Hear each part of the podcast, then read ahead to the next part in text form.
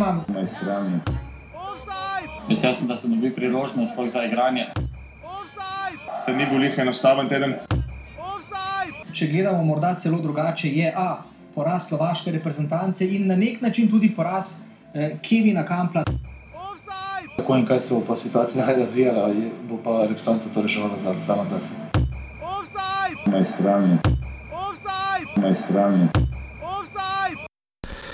Drage maestralne offsetke, maestralni offsetki, eh, ljubitelice in ljubitelji futbola slovenskega, spoštovane, spoštovani, lep pozdrav v 58. offsetu oddaji o futbalu slovenskem.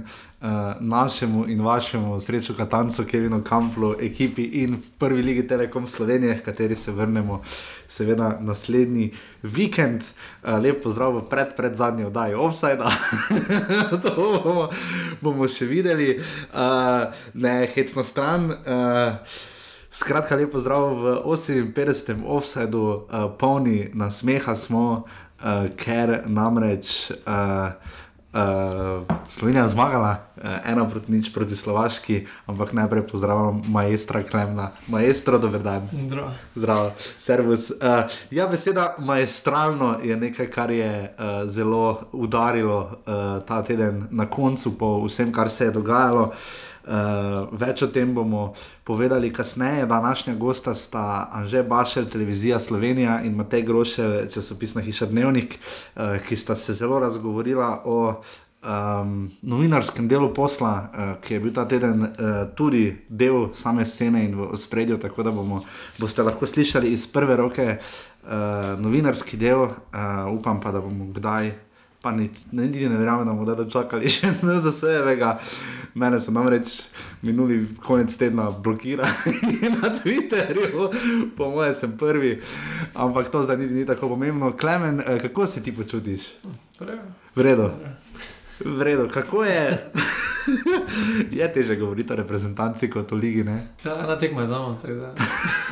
Mislim, da to ni edini razlog, pa vendar. Um, Uh, ko si gledal tekmo, uh, kakšni, kakšni občutki so te spreletavali, razen morda nekoliko razočarani nad prvim časom, ki res ni bil, razen ob koncu Bezjakove prečke, pa tam ene priložnosti uh, Slovako, neke velike drame. Ni bilo, ampak kak si, kak si ti videl naš tekmo slovenske nekih občutkov ni bilo pretiranih, no, sploh niti. Niti se ne ukvarjam tako z nekimi taki čustveno, z tekmo, da bi šel kot nekateri. tako da, Um, je pa pozitivno zelo, da smo pač uh, odnesli tri točke. Na koncu je zmago priboril igralec iz Slovenske lige. Um, po dolgem času. Pa tudi drugi igralec iz Slovenske lige je naredil velik vtis, oziroma vpliv na dinamiko tekme, Mili Vojno, Vakovič in Rokro na veterne. Kaj to pomeni, ja. zamenjala? Jursa pa Kurti sta šla ven. Dva Italijana. Dva, dva, dva iz slovenske lige sta prišla. Ne glede na to, da nekateri pravijo, da Novakovič ne bi smel biti v, v, v službi reprezentanci, je pa možno, da bo celo zdaj začel tekmo z Anglijo.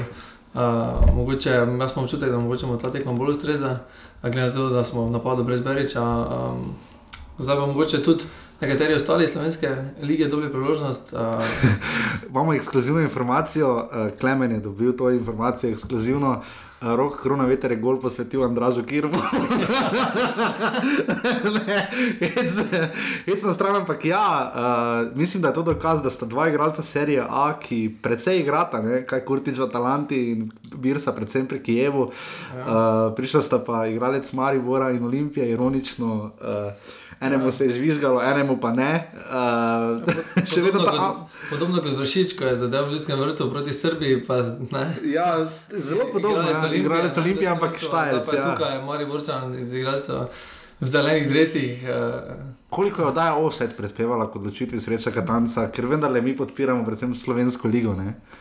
Gled, če, če, bi dva, če, bi, če bi bil še kjer, bi bilo lažje. Ne? Bi Že prvem počasu rešili. Uh, jaz sem se zelo blamiral uh, na Twitterju, parkrat moram povedati, med tekmo. Uh, približno minuto prednje roko, veter dal gol, se ga je dal takoj potem, ko je vstopil. Ne? Stik, ne. Uh, ne vem, če je bil prvi stik, mislim, da ne. Uh, mislim, da ne, mislim, da tam eno žogo še brcno tik pred tem. Uh, je pa Aleš Potočnik iz televizije Slovenija fenomenalno preštel, da je za akcijo Slovenije bilo potrebnih 30 sekund, 25 dotikov, 13 14 podaj in pa kar 8 reprezentantov je sodelovalo v akciji. Ja, lepa akcija. Mislim, da celo Jokič nekaj je zelo malo sodeloval na te tekmi. Ampak uh, um, zanimivo je, ja, jaz sem se zelo blamiral, ker ko je namreč korona veter vstopil, sem napisal, da ne razumem, ne dojamem, ker bi se mi po konfiguraciji tekme, v katero je šla bolj kreator igre, ala Miha Zajc zdel smiseln in logičen, ampak me je potem vse skupaj zelo demantiralo in na glavo postavilo. Ne. Tudi recimo jaz. Moram priznati, da me je v prvem času malo motila igra Iličiča, ne? vsi so ga pa ocenili za igro fenomenalno. Da, priznam, se posipam s pepelom, tudi jaz, hvala Bogu, pogosto falim. Da, tokrat sem dvakrat v tem Facebooku. To je videnje. Pa mislim, da je Iličič potem, uh, ko je, ko je Kurtič oziroma uh, odšel iz igre, oziroma Birsa. Ne? Uh, da je potem lažje odigral, ne? da je imel več prostora, da je tisti bil, kater, na katerega je več žog šlo. Ne? In uh, enostavno se bolj znajde v smislu, ne glede na to, da bi se govorili, da lahko skupaj igrate. Jaz mislim, da vseeno, da temu ni tako. No. Mu je tudi pasalo, da Kampla ni bilo, ker malo se mi je zdelo na trenutke, da Iličič igra podobno kot Kampl, zelo globoko, glede na to, da je bil napadalec, pogojno rečeno je zelo globoko nazaj po žogo hodil in delal praktično to, kar se je kamplo očitalo, da sam igra z žogo. Ne? Ja, dejansko na tem zadnjem veznem je igral dobro tekmo Krhin. Uh mhm. -huh. Tako da dejansko, po mojem mnenju, da smo zelo pogrešali kampla, ni bilo. No. Uh, jaz nisem imel takega občutka. Uh, Bi pa prišel prav, seveda. Ne? Seveda, zdaj, jaz pa sem bolj razmišljal, koga pa bi tiste prve postave dali ven. Ne? Uh, pa, če ne hoče biti na zadnjem veznem kampu, je vprašanje, ja. bi, če bi kr, ne verjamem, če bi Krhin šel izpostaviti, glede na to, da je imel dobro tekmo. Pa Katanec zelo stavi na njega. In, in ga je enostavno zdaj mu zaupal že ob koncu lanskih kvalifikacij. Uh, tako da zdaj ne verjamem, da bi šel uh, Krhina zamenjati. Uh, enostavno, če pa gledaš, kateri bi drugega lahko posedal, pa ne vem, Kurtiča, pa na koncu bi Verbič odsedela, na koncu pa bi bil spet kampel na poziciji, katera mu pa je nastrezana. To je to veliko vprašanje pri Katancu. Uh, če se pridemo torej na tekmo 10.492 gledalcev, mislimo, da smo pričakovali kaj več, glede na paketno prodajo, da sledi Anglija in da je bilo 40 evrov za obe tekmi. Ja, to so Angliji kupili, po mojem. Verjetno, ja, ja, mislim, da bo 6. Ja, 40 evrov malo. torej, 6000 angližev pričakujemo, ampak ja, uh, krona veter v 74 minuti, uh, torej to je bilo dve minuti potem, ko je vstopil. Um, sodijo Nikola Ricali, Nikola Ricali čez katerega katanec ima nekaj sicer pripomb, želel imeti, ampak jaz mislim, da je dobro odsodil svojo tekmo. Edino, kar me je res pregledal, ne, tam je struna lahko rdečega uh, ko je pf, zelo grdo potacal. Na vsaki tekmi se mi zdi na robu rumenega. In tu smo pri grobo. Zelo, zelo grobo, kar je katancu všeč. Uh, Take igralce ni bilo všeč, način igranja se ono veča. Ali pa skubica celo ne, ker to sta bila edina res največje presenečenje, bilo to, da ni igral niti skubic na desnem beku, temveč struna. Ne? Ja, sicer me to na koncu ne preseneča, ne, glede na to, da so to igralci, ki so, eh, ki so všeč, eh, všeč eh, Katancu, ki s takimi igralci nima nikoli problemov. Enostavno bo mislim, da zdaj podobno igra, še bolj bo prišlo do izraza, kot zdaj proti Angliji. Naprimer, da bi igral za Stanovičem, ki bi. Uh, Ampak tokrat nam je to manjkalo, ker so Slovaki ja, igrali zelo statično. Ne? Ampak mu ni všeč uh, tak način igranja, to moramo pač sprejeti. Uh, mogoče bi si vsi želeli bolj napadalno, napadalno smerjene boljše, ampak pač tako pač igra reprezentanca in se pač za to uh, tem napadalnim vezistom oziroma napadalcem se pač pušča bolj svoboda v igri in uh, se ne rabijo vračati zaradi tega. In, uh, Zdi se mi včasih, da igramo kot obramba napad, da igra obramba napad. Ja. Ne, da igra od zadaj, postijo žogo, ne priključujejo se, da je žogo krhino in on pol v napadu neka druga tekma. Uh -huh. uh, tako da mislim, da bo podobno tukaj isto v, v torek povezana tekma je bila zelo, v primerjavi z Litvo, recimo, kjer se je taktika zdelo, da je sploh ni. E, tokratna taktika je bila pa izrazito slovenska, ki smo jo vajeni, recimo iz prve ere Katanca. Ne? To sta Rok Viškovič in Primoš Cirman, sjajno povzela v Sijolovem tekstu. V, soboto sta pisala v bistvu zgodbo Katanca, ker sta spomnila na to, zakaj je srečo Katanec uporabljal napadalce tipa Saša Udovič in Mladen Rudonja, ki sta s tekom pritiskala na branilce nasprotne ekipe, da so ti zelo visoke žoge dajali, potem sta jih pa Milinovič in Knaus odbijala. Uh, zelo podobno je bilo tokrat neizmerno visok pritisk, ampak davek se mi je zdel, je, se mi je zdel da bo usoden. Birsa pa Iličič sta stala na sredini in zelo visoko, sta bila pa Verbič in Bezek, čisti iz pozicije. Ja. Uh, ampak je bilo to dobro, ker Slovaki so imeli pa ogromne težave v obrambi, pa z organiziranjem napada. Ne? Pa mislim, da so imeli večje težave, ker je pač ni kar nekaj igralcev manjkalo. Škrtelj je absolutno. Plus 20, ne. Ja. In nekaj igralcev je manjkalo in se je videlo, da tiste kvalitete v napadu tako velike ni, da bi lahko zadržali žogo oziroma se stvarili neke priložnosti. Videli smo, da je oblak imel samo enkrat za posredovati. In dejansko večjih nevarnostih, oziroma strelov na gol, ni bilo. Mislim, da tam mak streljal, ja, Ja, ampak kaj s Hamšikom, ne, ni ga bilo, ne? Ma težko je igrati, težko je tudi njemu igrati, če nima nekih svojih igralcev, s katerimi bi lahko igral. Tudi taki odlični igralci pol padejo v neko poprečje. Um, mislim pa, da glede na to, da je zdaj Slovaška v dveh tekmah eh, na nič točkah, eh, na, na predzadnjem mestu, na predzadnjem mestu ja, je to za njih zelo slabo. Je pa res, da je zdaj imela dve tekmi zelo močni, Anglijo doma in v gostih Slovenijo. Um, pričakoval bom, da vseeno bodo začeli zbirati točke, vendar vseeno bili so v, v, na ruskem prvenstvu, mislim, da v osmini ali 16. V, v osmini finala so izpadli potem, ja. Uh, tako da bi po eni strani Proti Nemcem, mislim. Da. Tako da bi po eni strani pričakoval tudi nekaj več od njih. Ne? Ja, Glede na to, da da mi- 14 igralcev iz Evropskega Ja. prvenstva je bilo, nas pa ni bilo. Je pa res, da nam Slovaki izredno ležijo, ne? ker smo jih premagali tudi na obeh tekmah pod Matjažem Kekom, ne? tako doma kot na stadionu Tehelne pole, kjer so Slovaki za manj kričali, mi smo tu doma. Uh, se mi da tisti tekmi fenomenalno vzdušje. Uh, mi da smo to tekmo oba gledali po televiziji, vzdušje se je zdelo v redu, stožica, res da na trenutke so Slovaki preglasili slovenske navijače, tu se še vedno pozna manjko. Škoda se mi, po eni strani se mi zdi super, fenomenalno je za golom uh, na severni strani Stožic bilo videti napise Šempeter, Blagovica za Slovenijo, kraj, kjer ni praviloma uh, prvoligaškega slovenskega nogometa, to je super, da reprezentanta povezuje, ampak vendarle se tu še vedno pozna manjko večjih navijaških skupin, oziroma nasploh se mi zdi. Zanimanje, ker se mi zdi, da bo zanimanje, dobro, Anglija je zdaj svojo zgodbo, ampak zanimanje bo za nogomet eksplodiralo v soboto na Maribor Olimpija. Ne? Se mi zdi, no. Pa je večji problem je pri, za prizdušje bo proti Angliji, ko nas bodo preglasili. Ko bo spet kot v gosteh, ne? jaz sem to doživel v Stožicah na tekmi z Albanijo, Švico, uh, Bosno in bo, Hercegovino. Ne? In tukaj pač, ja, mislim, problem. Ja, problem ne je, bo, res problema ne bo, ker pač tekma je kot tekma, nogometna zveza bo zaslužila, razprodan stadion bo, ne, ampak za vzdušje kot, uh, ni enako, po mojem mnenju, kot v Ljudskem vrtu. Boštjan Cesar ga je izpostavil, ne, vzdušje, tako je po tekmi se zahvalil navijačem, kar se mi je zdelo primerno, ker so navijači bili. Ni bilo negativnosti, ni bilo žvižgov, no? uh, kar bi morda pričakovali, glede na nekatere pretekle tekme, če se spomnimo lanske tekme z je bila Litvo. borba. recimo. Borba je bila. To- to igralcev, navijači radi, No, in pač zaradi tega se ni, tudi če ni rezultatov, mogoče nekaterih, je bila borba, pa neka pravilna izbira igralcev, da se ni neko forsiralo, kateri ni eh, prihodnosti. tako da Dejansko so navijači razumeli, spodbujali, na koncu pa je tudi prišel rezultat. Ne? Misliš, da išče srečo Katanec v Josipu Iličiču novega Zlatka Zahoviča, v smislu, da ima enega igralca poskrbljenega in se bodo kot nek sončni sistem, ne, kjer se bodo potem vsi v orbitah krožili okoli njega, ker tu se vseeno zdi davek, ki ga morata plačati Benjamin Verbič ali pa recimo tudi uh, Roman Bezjak, pa tudi Robert Berič na tekmi v Litvi, recimo, se ti igralci ne znajdejo. Mislim, preveč prostora jim zauzamejo, ampak tokrat je to uspelo in dobro. In hvala Bogu, da je. Misliš, da bo to nekaj, okrog katerega bo gradil Katanec? Ne vem, možno je, da ja. Pa tudi videli smo neke, uh, neke obrise, da bi to lahko bilo, samo sporednice med Zahovičem, pa njim je težko, ker dejansko je bolj Iličič podajalec kot, uh, kot strelec. Pri Zahoviču pa se je videlo, da je zelo rad zabijal, pogosto zabijal, odločal tekme. Iličič pa ni taki igralec, ki bi rad. Zahovič je doskrat ena nula odločil tekmo in uh, dosti tudi v obrambi ni delal, bil je taki, ne. Torej, novi zahod je rok kronovite. Ampak po drugi strani, ne, uh, rok kronovite je vse 30 let. Ne. Roman Bezjak, koliko 28, ne? to so res stari igralci, ki delujejo na mladi, pod narekovaj, ker nima reprezentančnih izkušenj tako velikih. Kako si to pač razlagaš? Korona veter, pač ima druge kvalitete, za strelom na gol. Uh, pač Fenomenalen zadetek. Z namenom je prišel noter, da, odloča, da bi odločil tekme z nekimi streljami daleč, ker drugače pač ko zgleda v tistih. Uh, v tistih uh, 68 minutah, dok še Novakovič potem prišel noter, ni šlo. Um, in pa so pač drugače pospevali, taktika pač se je malo spremenila. Uh, lahko bi sicer že prej povedali, ne?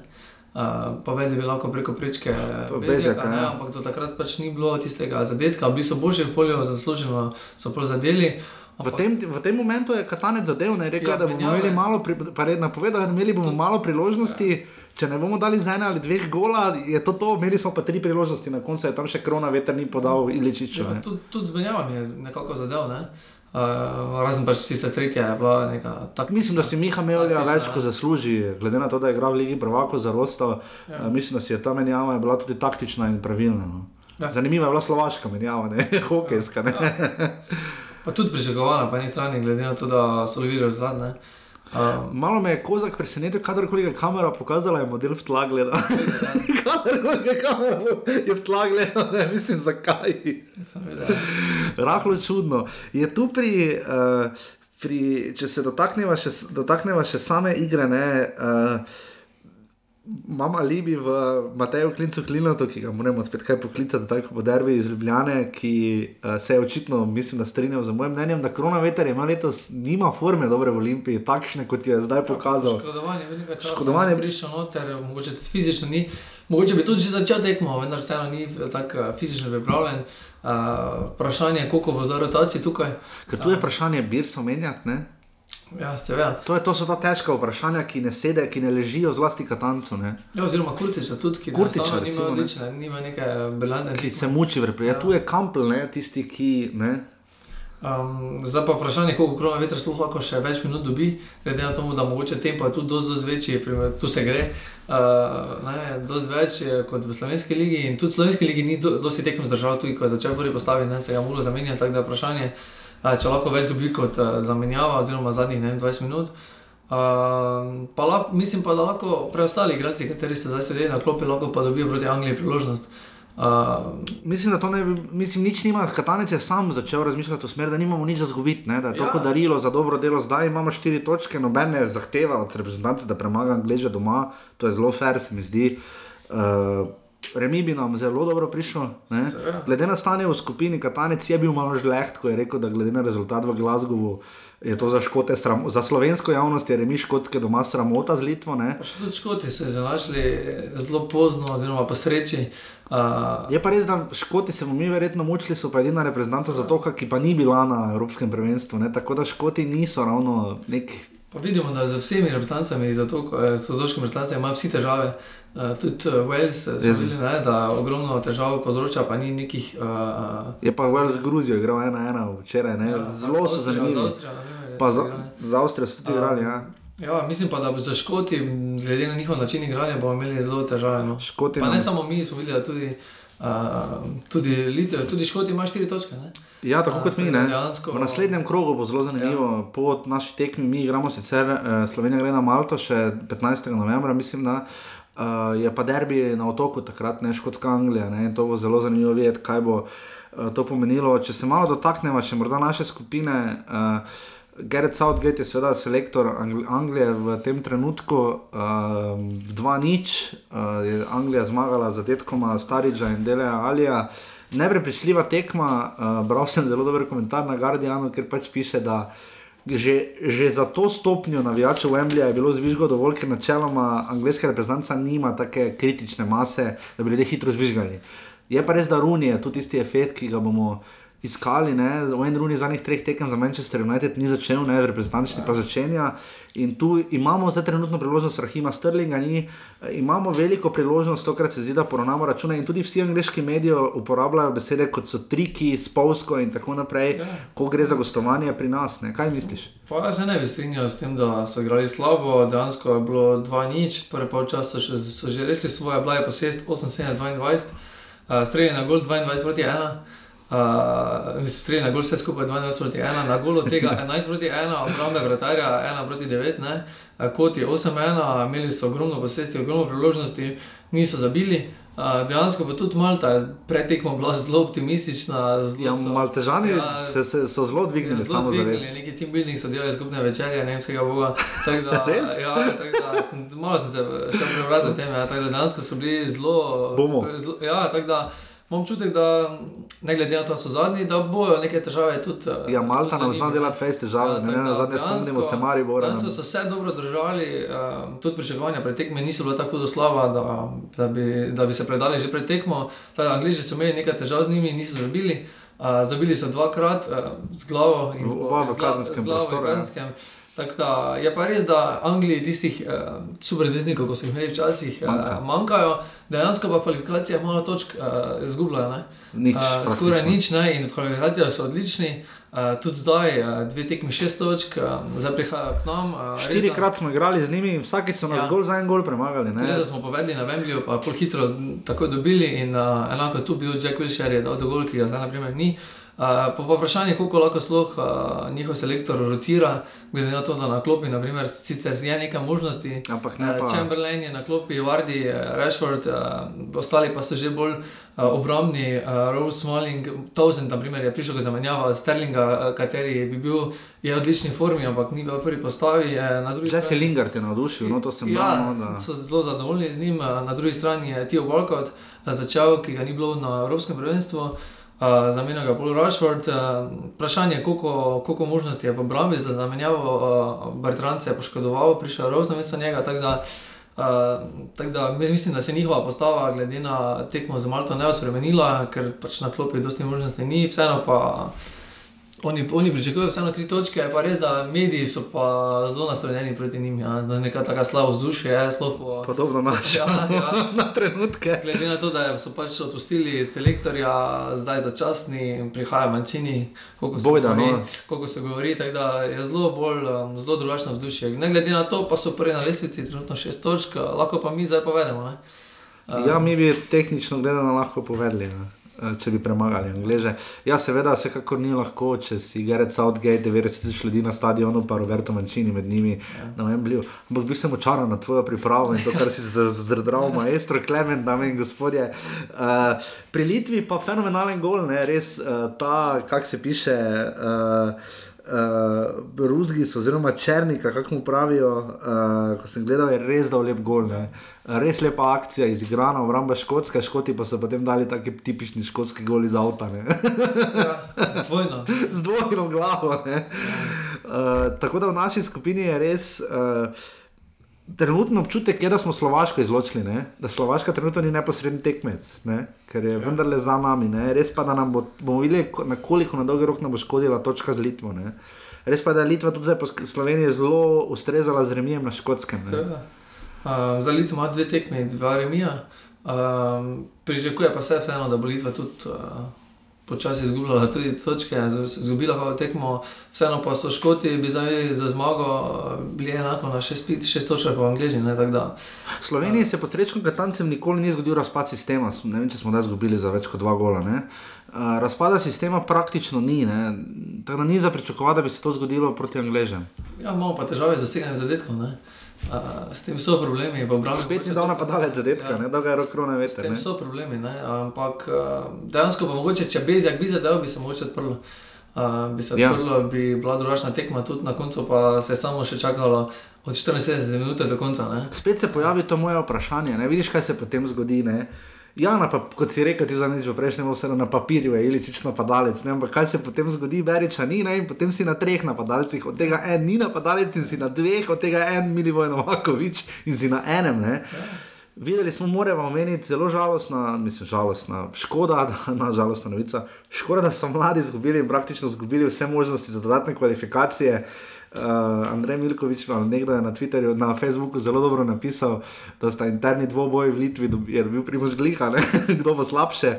Žal so naši mladi reprezentanti izgubili za fenomenalno postavo. Ne? Uh, so izgubili z ena proti nič postava. Res dobro preseneča me, da je Jupi, igra, ne, ki pri Olimpiji ne, ni dobil še niti minute, mislim, da vsaj ne v prvenstvu. Ja, glede na postavo bi pričakoval, da bi lahko to zmagali. Eh, Sorčan, Stanovič, Krefl, Krajin, Goren Stankovič. Ja, tu je to, jaz ne razumem. Potem je hotič prišel noter, Zahovič je, Zahovič in povedaj, da je začel napadati. Glede, glede na postavo bi pričakovali. Um, Da bi se na zadnji tekmi še lahko borili proti Srbiji. Srbi so pa premagali Irce in je končano. Je končano Srbija, Srbija je druga. Um... Italija prva, mi smo pet točk za Srbijo. Mislim, vsekakor je 15 točk za ekipo Primoža Gliha uspeh, ampak glede na kader, ki ga ima, mislim. Ja, da... manjka še zajec.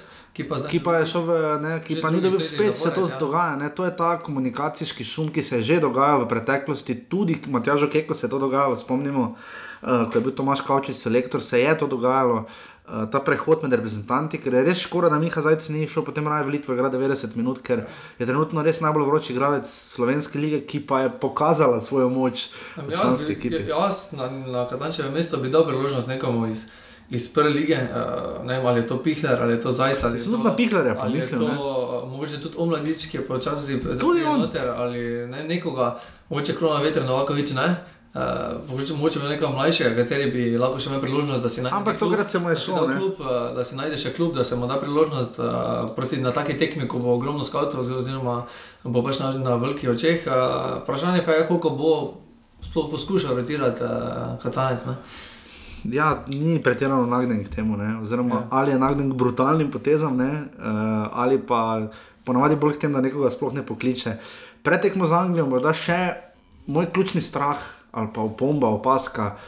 Uh, struna in Jokič, tokrat nista bila toliko na udaru, je pa res, da bosta pa imela verjetno ogromno. Glede na to, kako so goli padali v Angliji, zdaj proti Malti, ne, sta oba padla z desnega krila, to bo šlo vse preko Jokiča. Ne.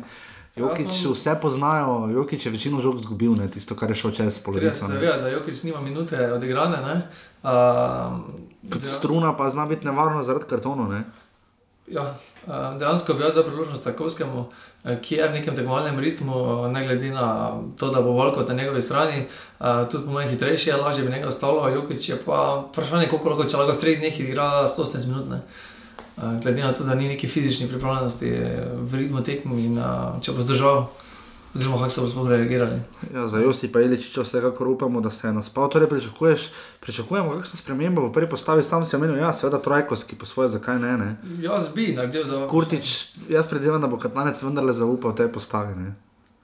Mislim, ponava, ponavadi se to zgodi. No. Možno, Mislim, da da... Jaz bi dal priložnost nekaterim drugim, Zajec, Pihler, katera dva sta še mlajša, mlajša bo ta zagotovo grizla, borila.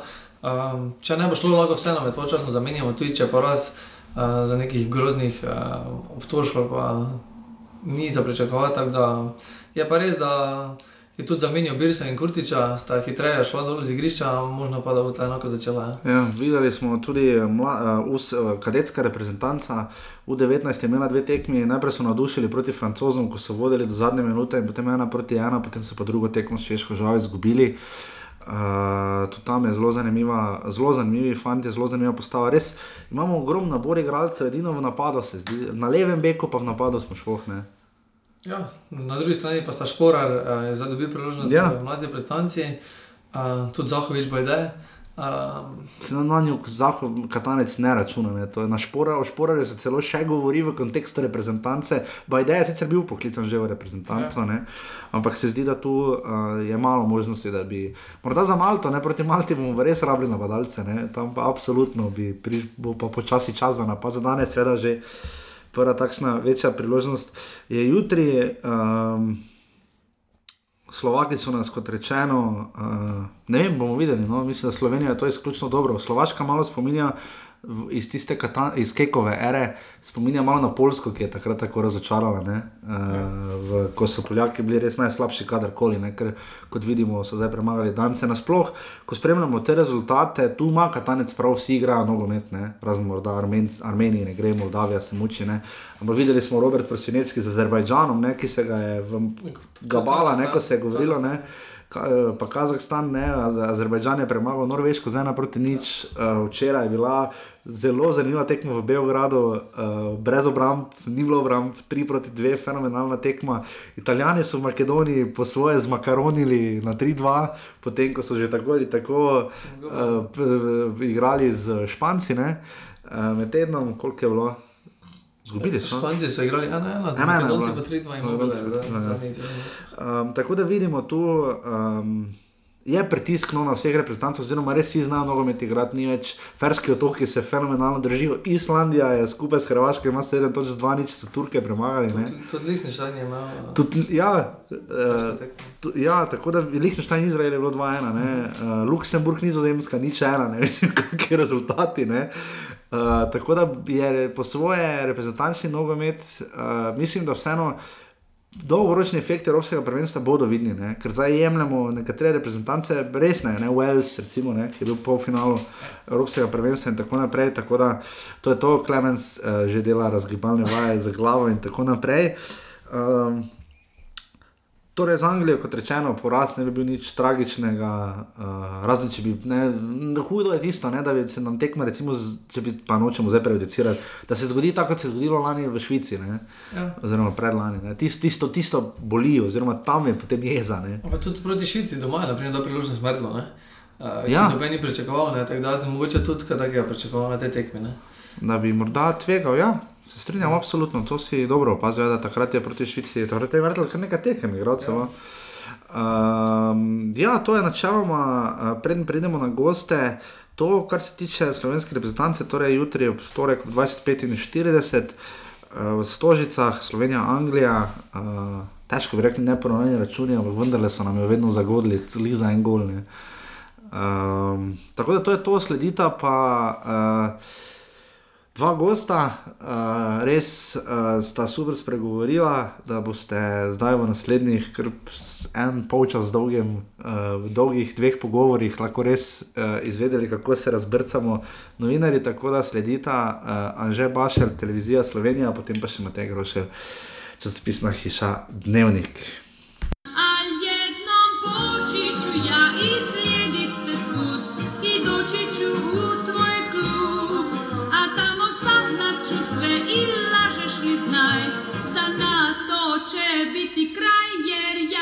Tako, gost je, uh, kot napovedano v vodo, oddaje tudi Anže Bašel, novinar televizije Slovenija, ki se ga boste nekateri spomnili še kot uh, zelo nadebudnega nogometnega fena, uh, ne samo na igriščih, ampak tudi jaz se ga najbolj spomnim še iz oddaje tistega lepega popodneva z uh, Ladom Bizovičarjem in Anjo Tomažin, ko je uh, res tlakoval si pot uh, k čim več fusbala in uh, zdaj ima to čas, da večkrat po tekmah intervjuja srečka Katanca. Pa te bom že najprej dober dan, dobro jutro. Dober dan. Eh. Lepo si me spomnil na tiste začetke, ko je malo bolj odmevne začetke na, na televiziji. Sem bil to leta 2004, mm -hmm. ko sem v prvi dajek zelo malo žongliral žogo. Mislim, da se tega celo spomnim. Uh, trenutno pa je Anže Bašel uh, član uh, tiste redke um, skupine ljudi, ki imajo to čas, da po tekmah slovenske reprezentance, pa seveda ne samo slovenske reprezentance, uh, uh, vpraša, kaj se lektorja. Pa te bom že kar ne, neposredno vprašal, najprej za začetek. Misliš, da ti večina ljudi to funkcijo zavida, bi številni radi bili na tem mestu, ko si v tej poziciji? Misliš, da številni ne bi radi bili v tej funkciji? Kako je, je tudi na tebi takrat uh, pritisk? Ja, prav gotovo je pritisk, še posebej, ker je bil selektor Katanec v zadnjem obdobju zelo nervozen, morda celo zdaj neprijazen do novinarjev. Tako da treba je vedno prisotna, kar je dobro, da si potem bolj skoncentriran. Je bilo pa na zadnjem srečanju posebno drugače, uh mhm. -huh. tam pa tule, mislim, na tekmo proti Slovaški je bil pa posebno umirjen, artikuliran, brez večjih preskakovanj iz teme na temo. Tako da se je malce spremenil, če lahko temu tako rečem, saj za tale zadnji intervju, ki so ga imela. Prejšnji pa so bili nekateri res zanimivi. Ne vem, če mi ravno zavidajo. Ampak mnogi so mi rekli, kako dobro je bilo, da si se tam pogovarjal s Sečkom Katancem, nekateri so bili potem morda še malce bolj žleh, če lahko temu tako rečem, in so želeli, da naj ga malce bolj spodbodam. Vendar pa želim neko distanco obdržati. Uh, zdaj, ker tako se zdi, da tu ni nekega napisanega učbenika, ne? tu se zdi, da zdaj pritisk javnosti oziroma zanimanje javnosti že za to, da kaj bo selektor povedal po tekmi, se zdi ne pade po tekmi, ne? vsi čakajo še, kaj bo povedal selektor, oziroma kaj ga boš tudi ti, oziroma tvoji novinarski kolegi, kaj ga boste vprašali. Uh, in uh, tu ni učbenika, kako se ti znajdeš, uh, kaj ga vprašati. Ne? Recimo, če pogledaš nazaj, zdaj je bila sicer takšna tekma, da je Katancu šlo dobro. Uh, spomnimo se, recimo, mislim, da je bil kolega Potočnik v Bazlu. Kako, je, ja. ni, ni učbenika tu, tu, kakšna je tu novinarska funkcija, uh, kakšno je tu tvoje, oziroma uredniško, kak, kakšno je delo tudi tvoje, no? da, malo, da malo nogometni navdušenci slišijo, kakšen je tu tvoj del. Ne? Ja, mnogi so kar nekako že želeli, da se Katanca nekako sprovocira, ker potem je to zanimivo in zato so tudi vsi čakali na te intervjuje po koncu tekme. Ker jaz se ne spomnim, da bi zaradi Slaviša Stojanoviča ali pa prej zaradi Prašnikarja čakali. Ponavadi, ko je konec tekme, večina ne počaka študija, tu pa vsi čakajo, kaj bo povedal Srečko Katanec. In verjetno so bili zdaj po zadnjih tekmih proti Slovaški kar malce razočarani, ker je bil zelo umirjen, ni želel preveč razglabljati. Ponavadi je pri njemu ta napaka, da nekaj pove, potem pa, ko bi moral morda se ustaviti in počakati na novo vprašanje, začne kar sam govoriti in takrat se ponavadi zaplete. Mhm. Je pa ne vem, ni nekega takega sistema, zdi se mi, da jaz nekako želim z nekim spoštljivim, pa tudi malce bolj sproščenim prvim vprašanjem ga sprostiti, da vidi, da se lahko pogovarja, kot da se pogovarjava nekje sama, ne pred celotno Slovenijo. In zdi se mi, da kdaj pa kdaj to sprejme, kdaj pa kdaj pa morda, recimo, temu izgubljeno s prevodom, da me ni razumel, če sem malce preveč želel s prispodobami začeti vprašanje. Uh -huh. To je bilo takrat slika, pove več kot tisoč besed, pa je takrat pol bil kašna slika. Ne? Ampak jaz sem to čist vprašal spoštljivo, morda je tako še mislil, da ga zafrka, ampak ne, ne, ni tega. Eh, vem, da v televizijskem mediju pravijo, da ko delajo recimo okrogle mize, ne, odmeve ali pa ne vem, tarčo ali tako naprej, da je precejšna razlika, če gostje sedijo ali stojijo. Pri srečo Katancu se to zdi kar precejšna razlika, vendarle. Ne. Ko sedi, se vsaj meni zdi na tiskovnih konferencah neprimerno bolj živčen, kot pa ko stoji. Misliš, da zato, ker je bil še športnik ali bi temu tukaj pripisal kakšno uh, posebno funkcijo? Ja, mogoče je res nekaj, o tem niti nisem tako razmišljal. Ja, malce je drugače na tiskovnih konferencah, kjer je nekako obkrožen z večjimi novinarji in tam samo čaka, kdo bo kdaj kaj vprašal. Ne. Tam po tekmi je sicer drugačna situacija, ko ga bolj ali manj sprašuješ le o tekmi. Bomo videli zdaj, v sredo imamo obljubljen intervju, ena na ena, kjer naj bi razkril marsikaj, kako bo bilo, ko bo sama sedela v studiu, posem sama, velik studio in samo Srečko Katanec in moja malenkost. Aha, tako da ti boš tisti, ki bo uh, vprašal, sprejemaš kakšne glasbene želje? ne vem, sploh kakšno glasbo je moral.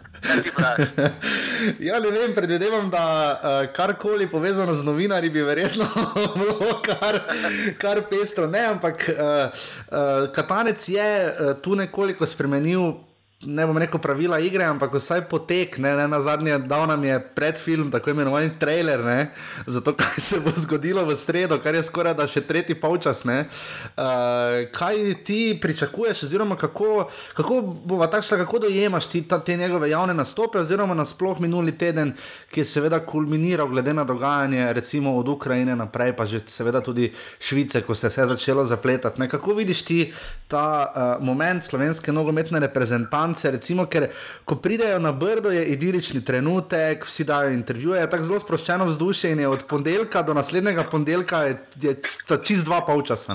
Kaj ti vidiš ta del? Ja, res je, ne vem, jaz sem ta, ta odnos naj, resmo, po tekmah, pa tudi pred tekmah, doživel, za katanta pravijo, da je samo svoj, da nikogar ne posluša. Ne? In tako je tudi v nastopih. Ne? Morda so mu mnogi že rekli, da naj počasi, da naj ne pove vsega. Zdi se mi, da je iskren in da je bil prevečkrat celo, glede na to, mhm. kakšen je nogometni svet, preveč iskren. Ne? Ob tej iskrenosti je morda potem šel tudi v drugo skrajnost, da je malce preveč iskreno povedal, da ta in ta igralec ni najboljši. Ne? Kar me preseneča, se mi zdi, da takrat, ko je bil prvič, ko je bila zlata generacija, je bolj ali manj le hvalil, bil je optimističen. Zdaj pa je bil nekaj časa zelo negativen, ampak morda pa po tej tekmi proti Slovaški se vse to spremeni, da je tudi sam videl, da tako več ne gre naprej. Morda tudi tista, ne vem, ko je ima naj rečem, bioenergetika, da ne bom rekel, vrača, uh mhm. -huh. pomagata, da je morda spremenil tudi sam odnos, ker za to prerekanje med novinarji in etancem sta, recimo, temu odvisna oba akterja. Ne? Oboji, ne bom rekel, smo krivi, vendar pa on začne, mi nadaljujemo in potem je to vračanje ping-ponga. Citiraš. Potem to verjetno še vpliva v prosti, uh -huh, ja, ja. tudi na igralce, ne, ki se vse bolj zapirajo. Uh mhm. -huh. Milivoj Novakovič se je sicer zaprl, verjetno bolj zaradi Mariborske zgodbe, uh mhm. -huh. ni mi jasno, kaj ni všeč Josipu Iličiču, da se ne ustavi tudi v tistem flash intervjuju, kjer naj bi kot imetniki pravic morali dobiti tudi tiste, ki si jih želimo, uh mhm. -huh. vendar pa ni tisto stotno nujno. In res mi ni jasno, vse se je začelo takrat s Kandanovičem, ki je kar naenkrat nehal govoriti z novinarji in potem, ko se je poslovil, samo rekel konec zgodbe, kar se meni zdi, glede na to, da je bil najboljši vratar v zgodovini naše reprezentance, povsem neprimerno in tukaj bi morali na nogometni zvezi narediti nekaj kretne. Mm -hmm, to je pa druga zgodba. Ker ta silencijo stampa se. silencija stampa se na dolgi rok ne obnese. Ne? Če zdaj pogledamo, era Samirja Handanoviča se, če, kot si rekel, je seveda bil do Jana Oblaka najboljši vratar v zgodovini reprezentance, ampak se ta njegova era, ne, ne glede na to, da je tudi bran na svetovnem prvenstvu, se potem vendarle pozna ta mok na dolgi rok, ne? da je odšel. Ja, kot... mislim, Ne, kot igralec, ki ga nim, nimamo občutka, da je, ne, nimamo tega pristnega osebnega občutka, da je branil za reprezentanco, ne, bolj ga poznamo kot Golmana Interja. Ne.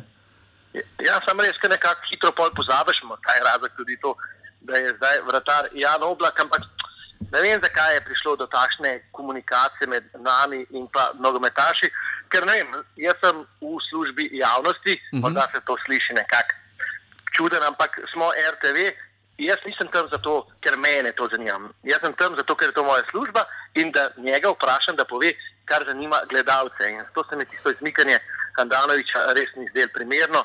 Bomo videli kako dolgo bo se izmikal Novakovič ali pa potem tudi zdaj Josip Piličič. Upam, da se ne bo še Novakovič poslovil na takšen način, kot se je poslovil Handanovič. Ne? Kakšen imaš ti občutek pri slovenski javnosti na stadionu v soboto? Ne? Bilo je 10 tisoč gledalcev, eh, ki niso primarno žvižgali, ne? glede na vse, kar je bilo minuli teden. Včasih se je žvižgalo precej prej, tokrat so vendarle, morda so jih včasih slovaški navijači preglasili, ker pač nimamo skupnih slovenskih navijačev, ampak vendarle je, je vsaj publika, kolikor sem jaz dobil preko televizijskih zaslonov, občutek vendarle čakala in upala, da nekaj bo. Uh, ni občutka, da bi bila nacija nastrojena proti, pustimo zdaj novinarjem uh, ali katancu, proti reprezentanci oziroma celotnem dogajanju okoli uh, tega dogajanja. Kakšen imaš ti občutek? Ja, mislim, da imaš prav. Ja. Nekako so se verjetno tudi navijači že malo naveliča tega negativnega stanja, ki ni samo v nogometu, ampak na splošno v celi državi. In mogoče so zdaj končno želeli priti na nogometno tekmo in uživati, kar je bilo zelo dobro, vzdušje je bilo dobro. Manjka morda tisti združeni navijači, nekdo, ki bi držal tempo celi tekmi, kot so morda Viole v Mariboru ali pa Green Dragons v Ljubljani. Da ti navijači sicer navijajo ob zadetku, vendar pa premalo morda takrat, ko je najbolj potrebno, razen če morda katanec zdaj ne skoči, ko vidi, da je nekaj narobe storil sodnik, ali pa nekajkrat, ko je Boščan Cesar dvignil občinstvo na noge. In to je bilo tisto, kar je mene impresioniralo. Tako Katančeva energija, kot tudi energija teh igralcev. Vsi so bili res stotno motivirani, bili so še bolj agresivni, pa čeprav je Krona Veter rekel, da so vedno borbeni, ampak zdi se mi, da je bila to neka nova Slovenija, kot da je ta afera Kampel nekako združila jih po eni strani, seveda ne vemo vse, kaj je v zadju, ampak vsaj na igrišču je res gledati kot neka celota. Mhm, Včasih smo se med sabo poleti pogovarjali uh, glede strokovnih gostov, ker je to debata, ki vendarle včasih potem manjka in se večino zreducira na anonimne komentatorje oziroma tako imenovane kauč selektorje, k čemu seveda najbrž svoje prispeva tudi offside. Ampak uh, kako ti vidiš, recimo Ante Šimunča se je zelo obnesel, ne? imamo še kaj dragulje, oziroma morda razloži malo, kako težko ali lahko je dobiti te goste v, v studio, v oddajo, ne? ker televizija Slovenija zdaj glede na to, da kanala sicer v ligi ima goste, v ligi prvako jih je, je studio v celoti ukinil. Kako je tu, kako težko je bilo dobiti gosta, zdi se tudi, da je Ante Šimunča zelo dobra izbira. No? Ja, s temi našimi gosti je res dosti težava. Ne? Večina nas primerja s Hrvaško, vendar pa na Hrvaškem res pridejo igralci, ki so nekaj naredili v svoji karieri, ki so igrali v velikih klubih.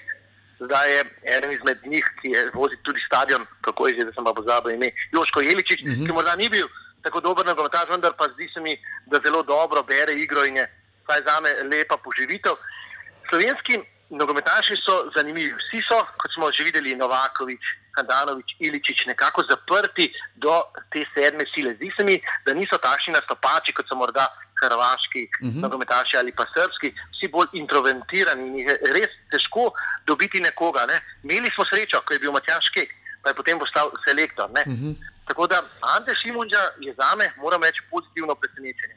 Saša Jarkovič ga je predlagal in smo rekli, da je proba, da tudi malce osvežimo to našo ekipo. In tukaj se moramo strinjati, ne, da je res že na prvi tekmi, ko smo jo prenašali proti Litvi, uh -huh. videl marsikaj in tudi povedal marsikaj. Ne. Ponavadi je to pri naših problem, da vidijo. Pa ne znajo povedati. Ja. Pred tekmo in po uh -huh. tekmi tudi vse povedo, ko pa treba povedati pred kamerami, to je najtežje, ne.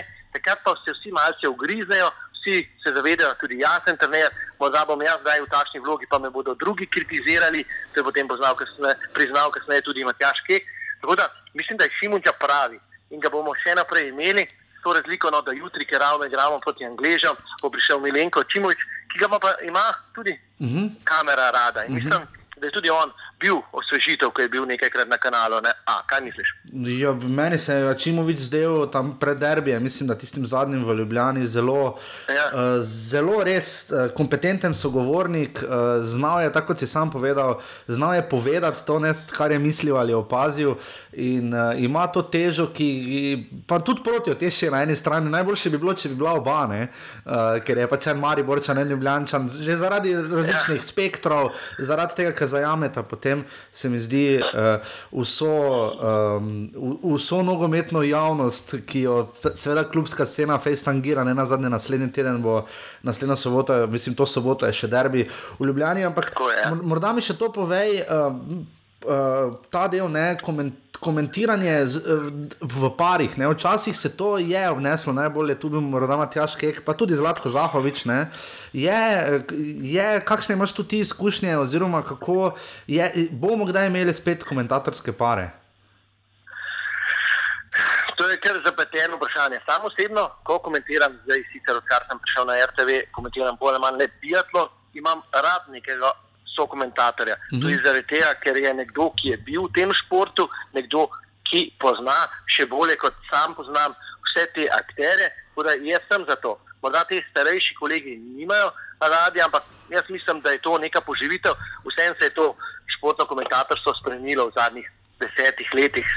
S prihodom interneta že vsi vse vedo, tako da res težko, že kdaj reporter ve več kot, naprimer, če komentira tekmo Manchester United, ne vem, Liverpool, imaš v Sloveniji vsaj 100 navijačev Manchester United, ki vsi vse vedo, tako da ga sploh ne moreš presenetiti. Ne? Uh mhm. -huh. Tako da se je s tem komentatorstvom kar močno otežilo. Prej, 20 let nazaj, je bil reporter tisti, ki je šel na teren in je imel bolj ali manj samo on ekskluzivne informacije. Uh mhm. -huh. Zdaj pa vsi vse vemo, pa vsi smo pametni za vse stvari, pa vsi mislimo, da bi bil.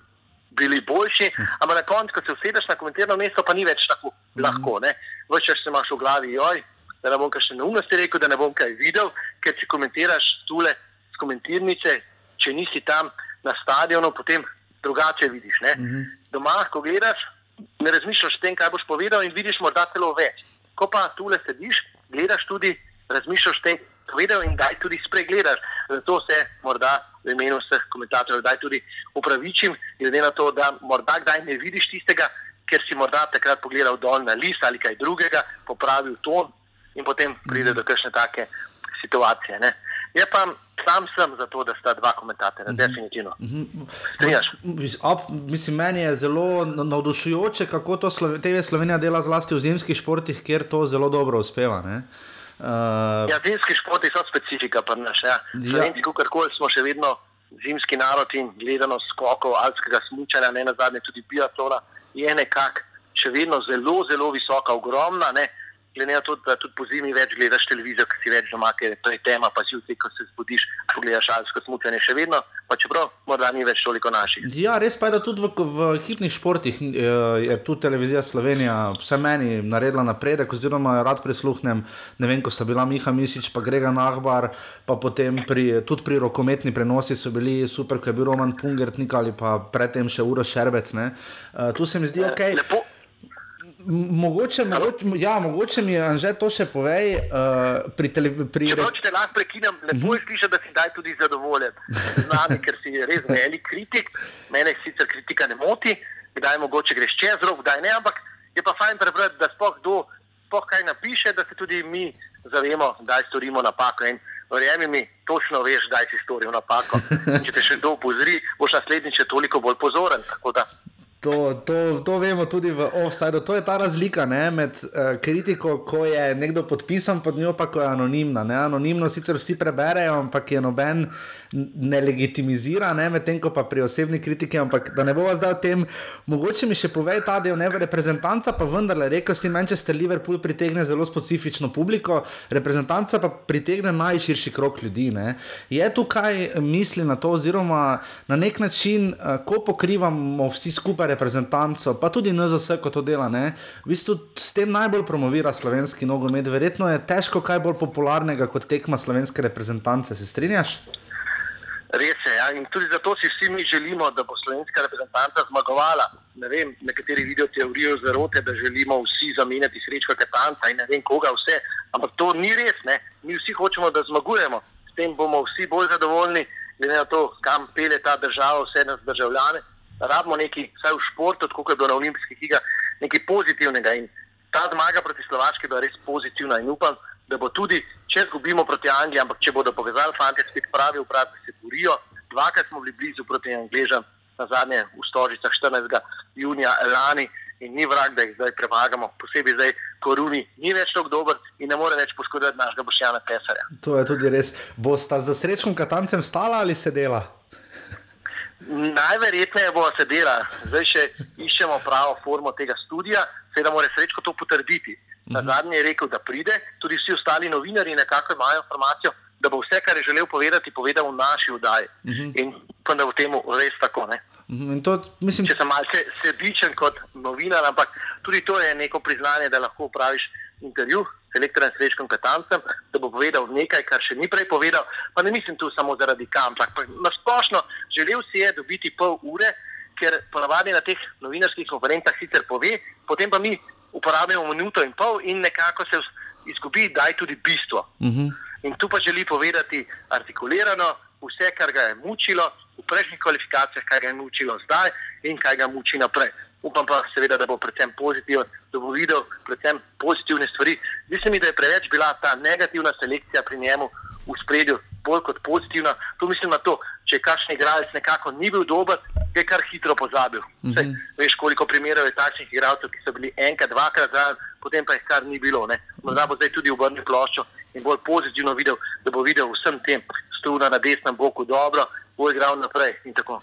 Ker takšen, in tudi krhin.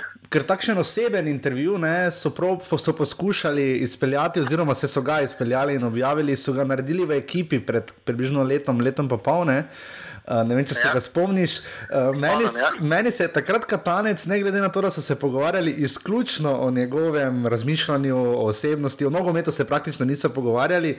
Meni se je tam katanec zdel neverjetno suveren. Tudi jaz se spomnim tega intervjuja in res je bilo tako. In jaz tudi bom probil, da ne bomo preveč šli samo v tehnikalije, v igro, ampak da bomo probali nekako pokazati, kaj vse je v zadju, da je tudi katanec sam človek ki je res marsikaj storil kot nogometaš, tudi kot selektor, je dvakrat zapeljal na veliko tekmovanje, potem v klubih ni bil dovolj kako uspešen nekaj časa, ker ni bil trener, potem je prišel nazaj, se mi zdi, da smo ga vsi videli kot odrešitelja, ne? potem pa se je vse hitro obrnilo ne? in zdaj mora tudi sam mal poskrbeti, da ne bo šel ta drugič dol iz te zgodbe kot poraženec in mislim, da zato tudi ustraja, ker čut, da lahko še nekaj stori, in da ne bo šel kot poraženec, ampak da bo vsem dokazal, ki smo ga kritizirali, ki ga kritizirajo, da se da narediti neki sto reprezentantov, ampak mora pa tudi on sam verjeti, ne pa razlagati tako, da morda pa ta ni dober, pa ta ni dober, pa ta ne trenira, ta ne igra. Ampak pač tudi takrat v zlati generaciji niso vsi igrali, pa so potem na igrišču dali vse od sebe. Je res pa, da se veš, generacije so se zamenjale. Novodobni mladostniki niso več takšni, kot so bili tisti, ki so zrašli še v Jugoslaviji je treba delati drugače v rokovicah. Tudi Hendanovič je bil naporen karakter, tudi zdaj Kampal, kot kaže, ni več vse tako lahko, da če udariš po mizi, potem pa bo vse delovalo. Je treba delati drugače. In to ga mogoče potem omejuje, ne? ker ni tak tip, da bi sprejemal kompromise. Ne vem, kaj ti misliš o tem, ampak tako je. Ne? Mhm. Že morda še to za konec. Eh, včasih grejo ti intervjuji s Katancem, hvala Bogu, po tekmi so kar dolgi. Hvala, je fajn, da, to, da uredništvo dopusti takšne daljše novinarske prispevke, oziroma ker pač studio tako ali tako potem še čaka. Uh, koliko je tu, oziroma koliko imaš tu svobode, oziroma kakšna je tu uredniška politika, ker pač zadovoljite več vprašanj, bolj zadovoljite javnost. Ne? Imam dovolj svobode, vendar pa odvisno je od termina. Saj veš v eno uro je potrebno spraviti toliko in toliko oglasa, in potem kdaj slišimo že počasi nekaj, ker bo potrebno dati oglase, ker če se to prenese v naslednjo uro, potem lahko nastanejo težave. Ampak jaz mislim, da nekako končam takrat, ko vidim, da nima več kaj povedati, oziroma da se lahko potem samo še bolj zaplete. Oziroma, zdaj je bil kratek, je drnat in sem rekel, vse je povedal, ne vem, zakaj bi še nekaj vrtal njega, bolje da gre tudi ostalim novinarjem in potem. potem v sredo oziroma v torek se znova srečamo, v torek jutri sicer Saša Jerkovič in bo povedal svojo zgodbo. Ne? Bil je zadovoljen, ponavadi on že vse pri prvem vprašanju pove, potem pa ga še kaj lahko kot pod vprašanje. Tako da imamo kar dovolj veliko svobodo, da vprašaš tisto, kar si želiš, do trenutka, ko nekako vidiš, da že preveč vlečeš. Ker nihče pa ne bo potem poslušal deset minut po tekmi ene in iste stvari, ker nekajkrat sem bil psihično, pa res takrat, ko je bil najbolj negativen, prav utrujen. Uh -huh. In sem si reže mislil, pa zakaj je treba to neke negativnosti, da je nekako obrniti, nekaj tudi pozitivnega najdete. Ker takrat je bil prej sodnik, pa ta, pa ta, pa ta, in je bilo že res kar malo moteče. Ne? Če bi ti ponudili res dobro plačano mesto PR-ovca na nogometni zvezi Slovenije, bi šel? govori, govori zelo artikulirano in se zdi kot nekaj, kar bi reprezentanca potrebovala. Pa ne pravim ti osebno, ampak. Glede danes me je en spodbudil, da zdaj, ko bo pa nov predsednik, boš pa lahko tišel. Rekel, ne, ne. Mislim, da zdaj sem se ravno kar vrnil nazaj po sedmih letih izgnanstva, seveda ne prisilnega, ampak ker sem mhm. želel nekako spoznati tudi druge medije. In je prav, da sem šel takrat malo ven iz te hiše, da sem spoznal še časopisni mediji, pa potem še športov, pa športeve in prišel nazaj z veliko več znanja. Tako da mislim, da bom zdaj, vsaj za zdaj, še ostal na RTV-ju, ker je to tudi sam si novinar, res neko služba, ki je tvoje življenje. Moram reči, da uživamo v tem. Absolutno, poleg tega pa televizija Slovenija se dobro loteva teh kvalifikacij, vedno bolje. Moram reči, da saj jaz sem bolj zadovoljen. No? Uh, in z oddajami, in z prenosi, preno, teh prenosov za reprezentanci, seveda ogromno, ker je vsak dan so tekme. Uh, Uh, in tu mislim, da na TV Slovenija uh, delate precej bolje kot v preteklosti. In hvala Bogu, da so takšne oddaje, kot, bo, kot je bila tista včeraj in kot bo ta očitno v sredo, ki bo podirala rekorde, upamo. ja, hvala, bom prenesel vsem čestitke. No, že najlepša hvala, da si si vzel čas za offside. Uh, vidimo, hvala, pri... da si me poklical. Veš, da se vidimo v priložnosti in obilo užitko in upajmo na čim boljši rezultat uh, jutri proti Angležem. Ne? Tako je, hvala, držimo pesti. Hvala, že čau. Dio. Jer ja, jer ja, ja već sumnjam da zbog nogometa samo ti svake nedelje popodne ideš tamo kad je zima Uh, tako, uh, naš gost je, kot povedano v uvodu, da je tudi Matej Grošelj, uh, novinar, uh, dolgo, zdaj že dolgoletni novinar Dnevnika, uh, tisti. Uh, tisti novinar, ki te ponavadi uh, zelo nasmeji na kakem derbiju ali kaj podobnega, ker vedno reče kaj v trenutku, ko morda navdušenje pade, sicer pa novinar, ki uh, zelo, zelo rad postavlja vprašanja, še raje pa pod vprašanja. Tako da z nami je, uh, kot rečeno, Matej Grošil, novinar dnevnika, uh, občasen moj tudi sodelavec Matej, dobro jutro, dober dan. Dobro jutro, dobro dan, lepo zdrav, Jaša, tebi in vsem uh, tvojim poslušalkam, poslušalcem. Ja, uh, skratka, uh, bil je res buren teden. Uh, bil je ja. teden, v katerem se je zgodilo vse in še malo čez. Uh, Kako zdaj ti iz današnje prizme, zdaj smo ravno v tej luknji uh, med dvema tekmama, se zdi, da bo jutrišnja tekma proti Angliji dala nek uh, podpis oziroma uh, argumente, izgovore, Bjanko, Menico, karkoli.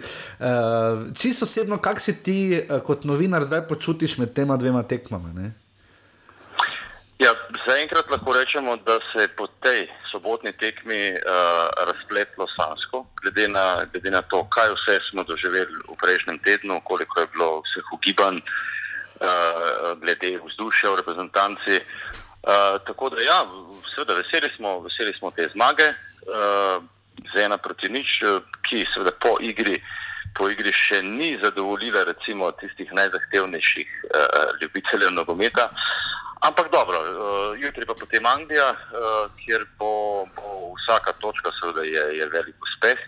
Uh, vem, morda pustimo se presenetiti, morda pa tudi na tej tekmi uh, fanti pokažejo uh, tisto, no, tisto, tisto borbenost, tist, uh, tist žar, ki smo ga po dolgem času, lahko rečem, videli v, v soboto v Stožcu.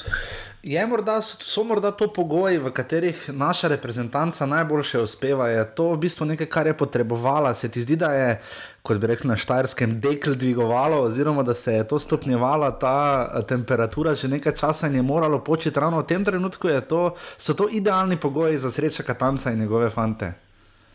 No, morda. Uh, tem je zaenkrat, mislim, da še prezgodaj soditi. Uh -huh. uh, počakajmo še na jutrišnjo tekmo tudi. Ampak, uh, ampak izkazalo se pa je vse zdaj, da, da, je, to, da je to lahko tako. Uh, čeprav je pa treba tudi povdariti, no, da je Slovaška, da smo od Slovaške zagotovo pričakovali več. Uh -huh. uh, to je bil tekmec, uh, ki, ki ni imel nekih ambicij, niti v napadu. Vemo, imeli so en strel na, na, na vrata Jana Oblaka. Uh, in, in v bistvu tako skromne Slovaške, uh, ali pa tako skromnega tekmeca, že nekaj časa sploh uh, ni bilo uh, v Stožice. Mhm, pa smo jih dvakrat premagali v kvalifikacijah pod Matjažem Kekom, pa niso bili tako skromni. Ja. Ja, se, to ni skrivnost, da nam reprezentance iz tega dela Evrope ležijo, uh, jih premagujemo, uh, načeloma tudi dobro igramo. Uh, Uh, kar se je tudi zdaj, uh, tudi zdaj pokazalo ne, v, v soboto. Uh -huh. uh, kakšen imaš ti občutek, uh, če gledamo nazaj prejšnji teden, oziroma še predprejšnji, ko, ko je tiskovna konferenca Sreča Katanca? Uh, Uh, da malo opišeš poslušalcem, ko prideš na brdo, pa pride katanec, pa preden sede. Kakšen je ta občutek? Je on najprej sproščen, pa je potem drugačen, ko se prižgejo mikrofoni in kamere, ali je konstantno takšen? Malo opiši, da bodo tisti, ki ne pridejo na brdo, ki vidijo samo potem izseke in preberejo časopise, poslušajo na radio. Uh, kakšen je ta potek? Ne? Ker pridejo reprezentanti, se zdi tam na brdo, lepo kavo pijejo, sedijo v hotelu, zgleda vse super in fajn, ne? ampak že predtem pa na tiskovni konferenci ko pove se znam spisek eh, četrtek pred prihodom, pa se zdi že, da je tako napeto. Kako ti to vidiš? Ja, drži, ja še. Pač večinoma, večinoma so na teh tiskovnih konferencah se, uh, se, mislim, da vsi novinari počutimo malce neprijetno, ne? ker nikdar ne veš, uh, kako bo reagiral katanec, uh, njegova mimika je. Um, tako različna, no, eh, od tiskovne tis konference do tiskovne konference različna. In recimo zdaj, že na prvi, prejšnji četrtek, eh, ko je, dal, eh, ko je objavil seznam reprezentantov, uh -huh. v bistvu nisi vedel, kaj, kaj lahko pričakujemo. On pač ima težave, to je treba povedati, z, z komunikacijo. Mislim, da on bi rad nekaj povedal, ampak mu gre to težko z jezika. Težko uh, ne vem, uh, kakšno, kakšno stvar uh, pojasni. Uh, in potem, je, potem se da ostaja veliko vprašanj odprtih, kot se je zgodilo zdaj, recimo s tem primerom Kampel.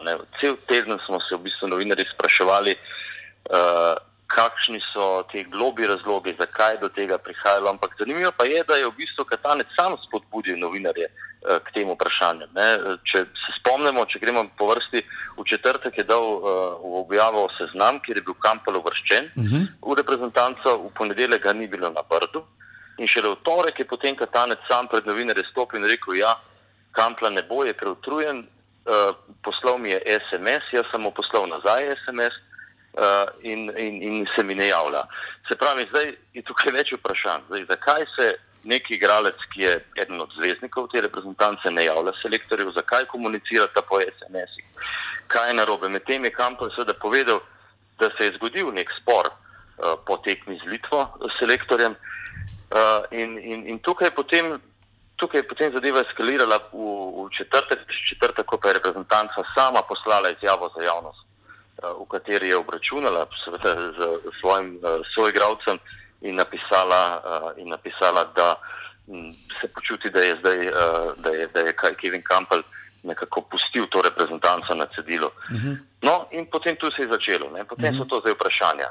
Koliko igralcev se je po to izjavo podpisalo? To je zelo pomembno, ker, uh, ker v tej izjavi ni bilo nobenega podpisa.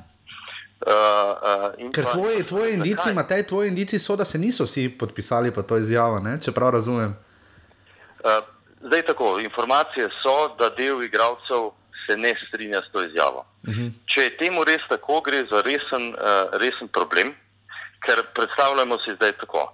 Vsi igralci se podpišejo pod izjavo, kjer, uh, kjer uh, obračunajo s Kevinom Kamplom in potem kaj? Zdaj, zdaj pa mi lahko pričakujemo, da bo ta Kevin Kampl novembra na tekmi proti Malti normalno v pogonu. Jaz mislim, da ne da je, da je treba se vprašati, tukaj, je Kevin Campbell zdaj po tem pismu sploh še uh, ok, če igra za reprezentanco ali ne. Uh?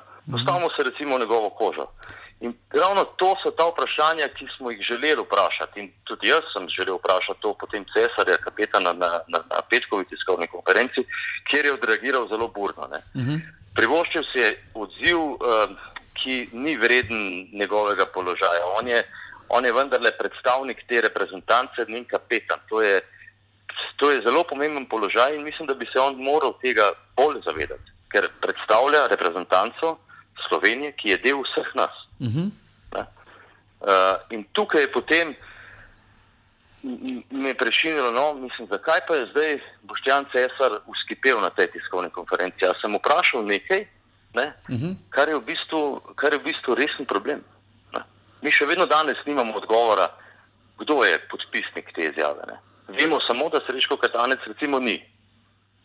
Ne, a zdaj pa, kaj pa Josip Iličič, Jasno in Kurtič in, te, in tako naprej. Ne. Ja, to je potem tudi. Zanimivo je tudi to, ne, da ti igravci, recimo Kurtič in, in, in Iličič, uh, sploh še nista dala nobene izjave za javnost, oziroma tudi potekni Slovaško, nista govorila za, za medije. Ja, Kurtič je nekaj malega tam še spregovoril, mislim, da v torek ali v sredo na Brdo in to je bilo ja, potem to. On, on je bil. Tako. Ne, tu nekako se zdi, da ga Kurtičeva izjava je šla, kako sem jaz razumel, bolj smer, da ga bo pogrešal, ne, ne da jih ja, je pustil ja. na cedilu. Tu je, tu je potem tudi vprašanje mlajših reprezentantov, ne, recimo, ne vem, znamiva Omladiča, Joviča, Pihlerja, Zajca, ne, ki so tukaj zraven, ki seveda tukaj težko karkoli pristavijo ne, kot novi prišleki oziroma kot reprezentanti z, reprezentanti z krajšim stažem, ampak uh, morda tu ta efekt kampla, ne, ker na eni strani uh, zdaj v, v črno-belem svetu obstaja Kevin Campbell samo kot ali A, kot žrtev ali B, kot krivec. Ne? Misliš, da. Ja. Ampak potem imamo pa tu rezultat, ne? zdaj se je izpadlo, da ni bil nič od tega ne? proti Slovaškem, ker se ga ni pogrešalo, vse v rezultatskem smislu. Ne? Eh, je tu Gamble tekme z Anglijo, oziroma eh, če vzamemo tudi izjavo, ne? to je precej spominjalo na Aleša Čeha in na Šmarno Gora afero, kjer je, tudi, kjer je tudi kapetan prebral izjavo v imenu vseh igralcev pa danes dobro vemo, da se niso vsi igralci strinjali z odhodom Točno Zlatka tako. Zahoviča. Ne?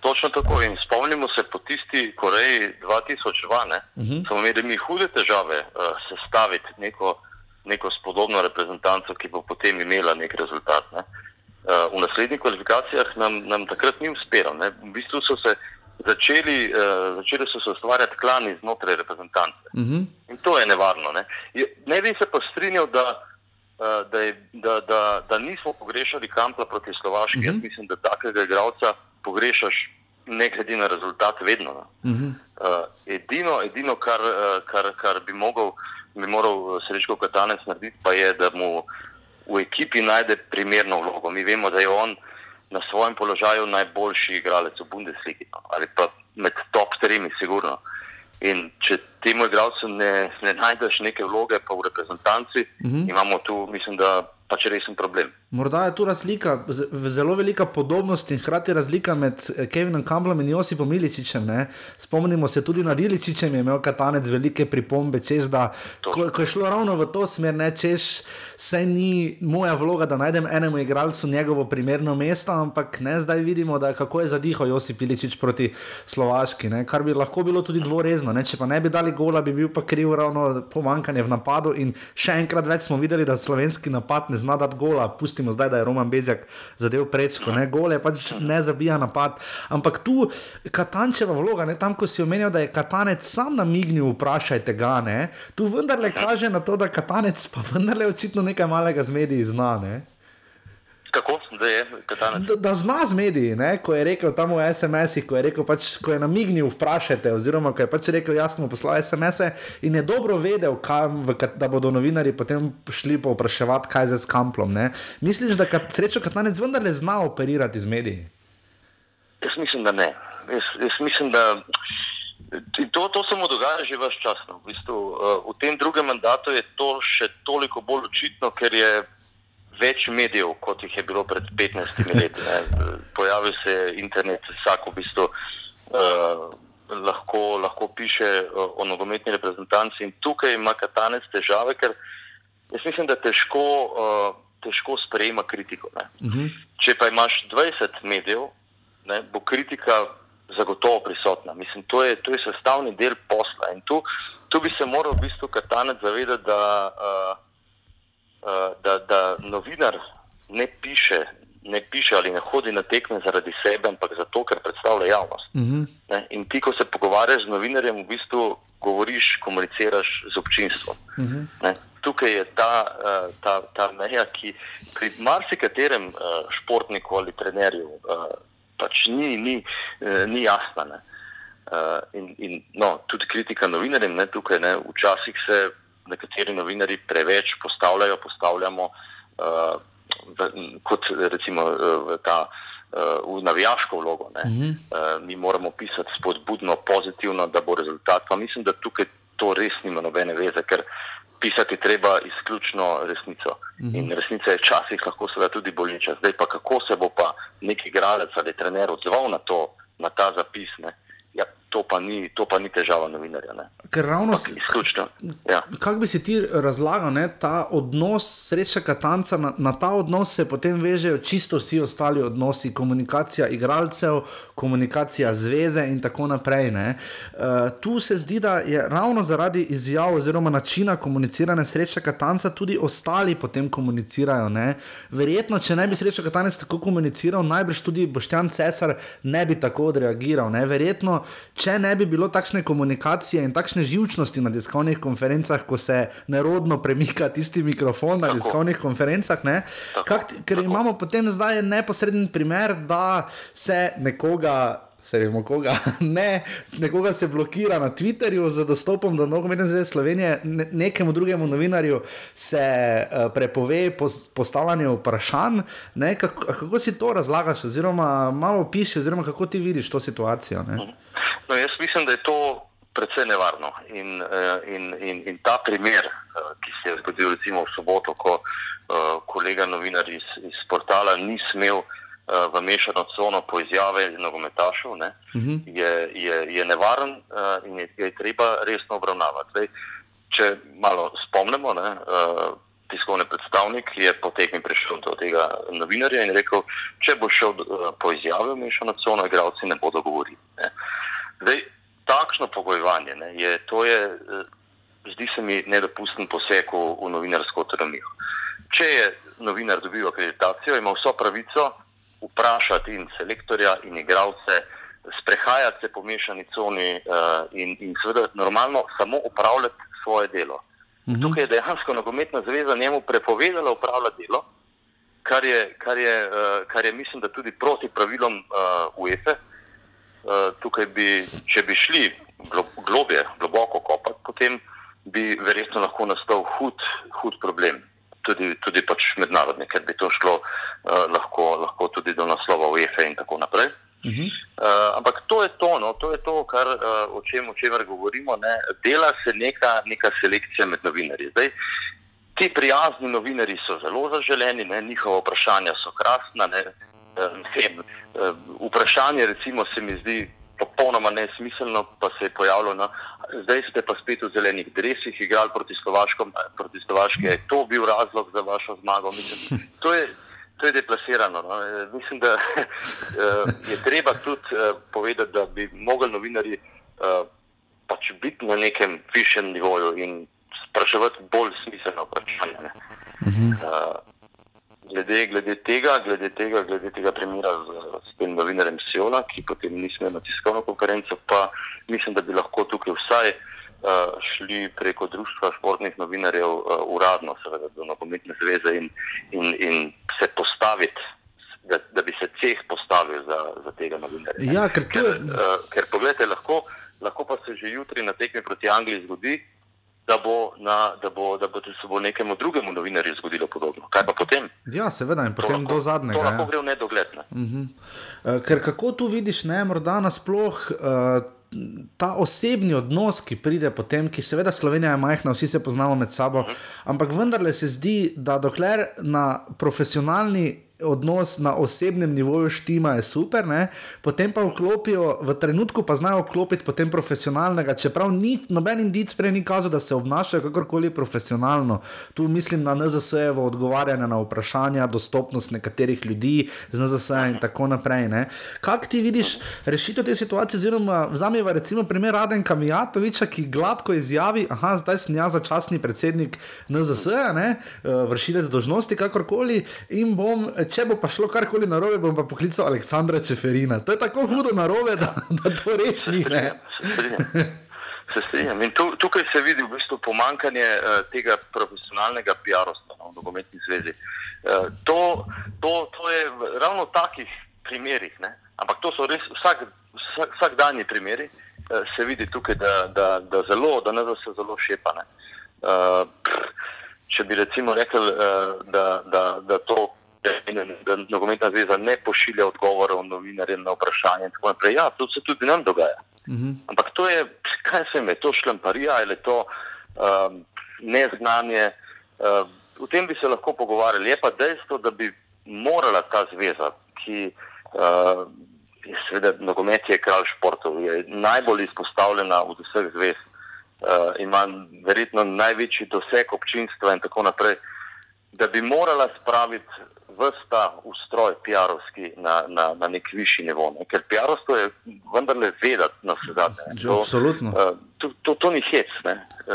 Komunikacija z javnostjo je pač ena najbolj pomembnih.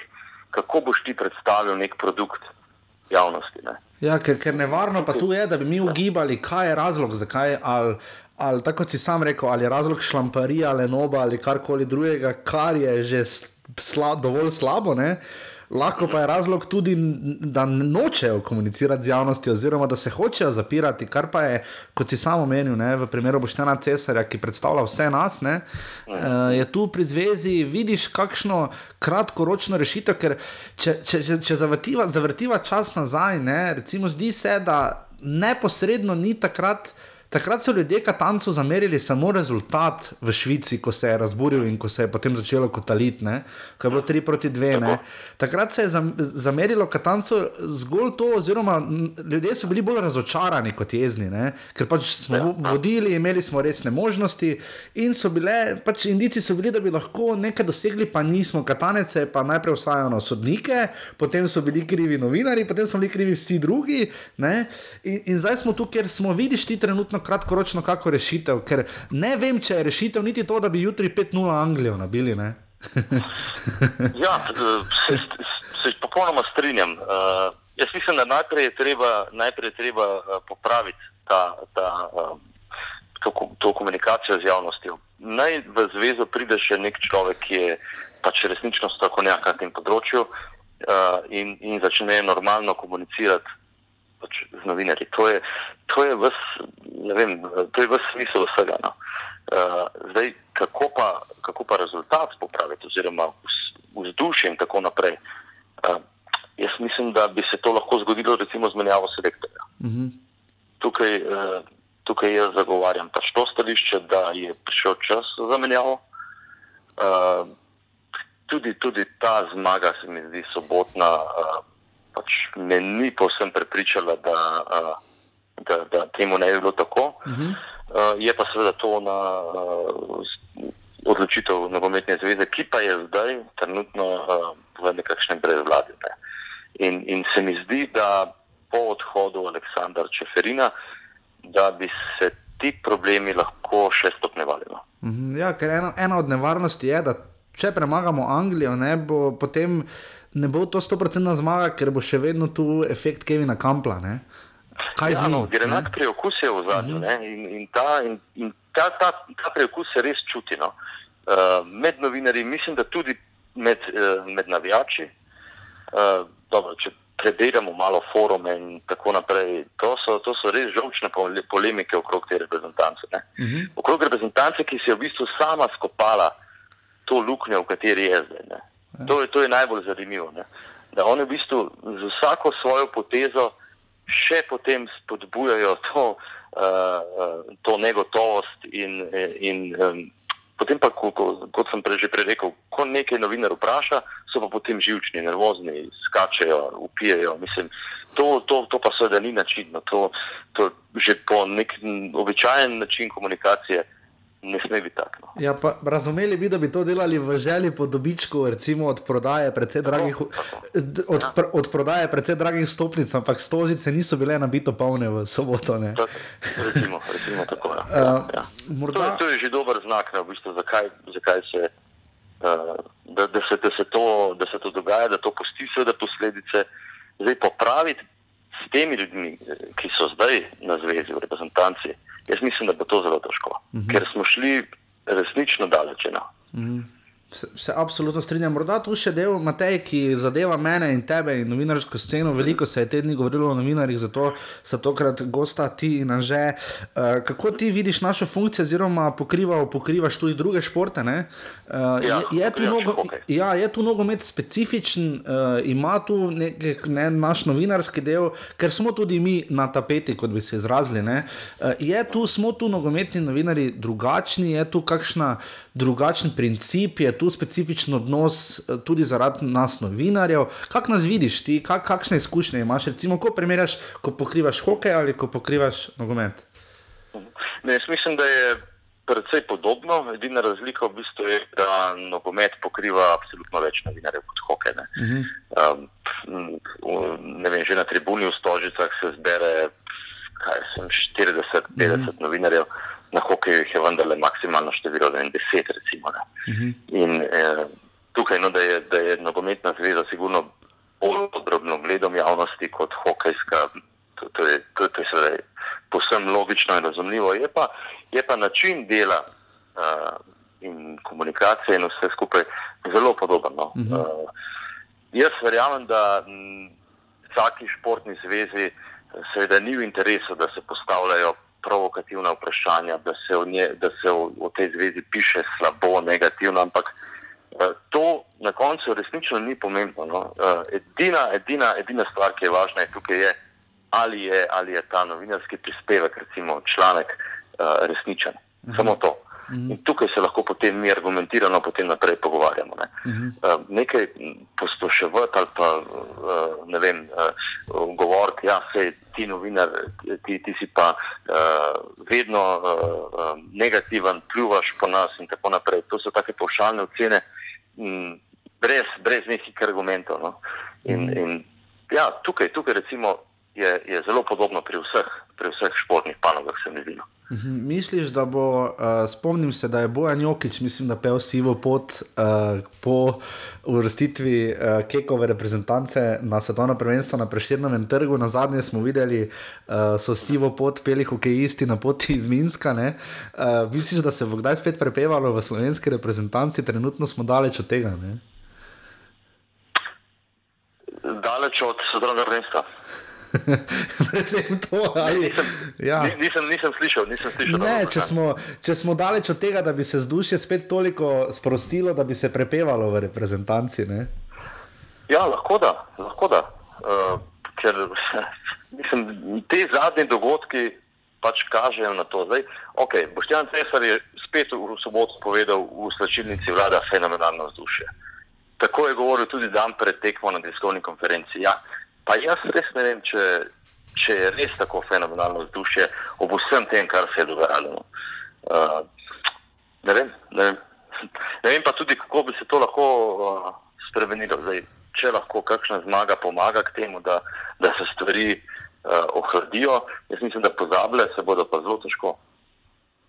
Ker, nismo, ker mislim, da nismo še razčistili vsega, kar nas, kar nas moti, v- vsega, kar, vseh vprašanj, ki se še vedno pojavljajo. Uh, najprej se mi zdi, da je treba razčistiti tukaj, potem pa seveda naprej. Ja, se absolutno strinjam, ker nimam neposrednega občutka, da bi bili v vojni, ne? Eh, neki mediji, vrste SNZS, ampak po drugi strani pa vendarle je pa občutek skrajno nelagoden. Ne? Nelagoden je. In ta občutek se mi zdi, da bo kar ostal, no? ker je na, vsaki, na vsakem druženju, v vsaki reprezentančni akciji je zadeva zelo podobna. Ne, če spremljaš eh, Katančeve eh, nastope na tiskovnih konferencah, se niti ne, ne razlikujejo kaj veliko.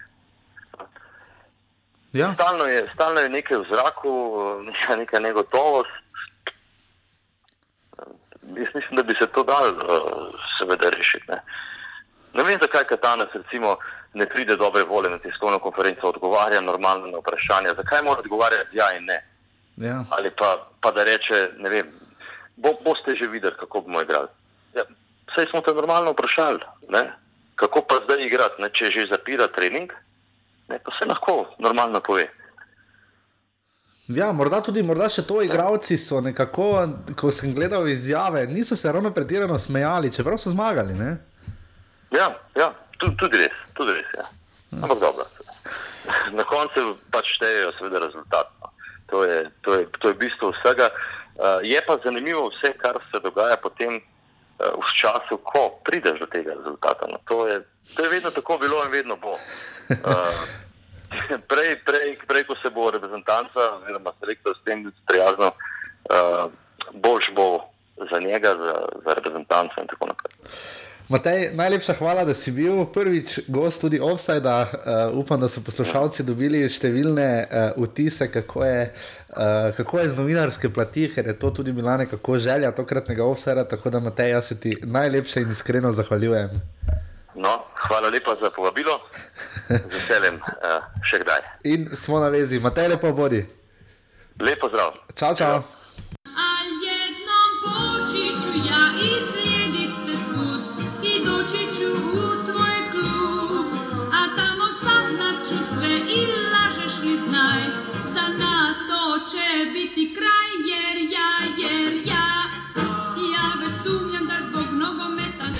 Tako to sta torej bila naša uh, sogovornika, upam, da sta uh, vas navdušila z uh, majstralnimi odgovori.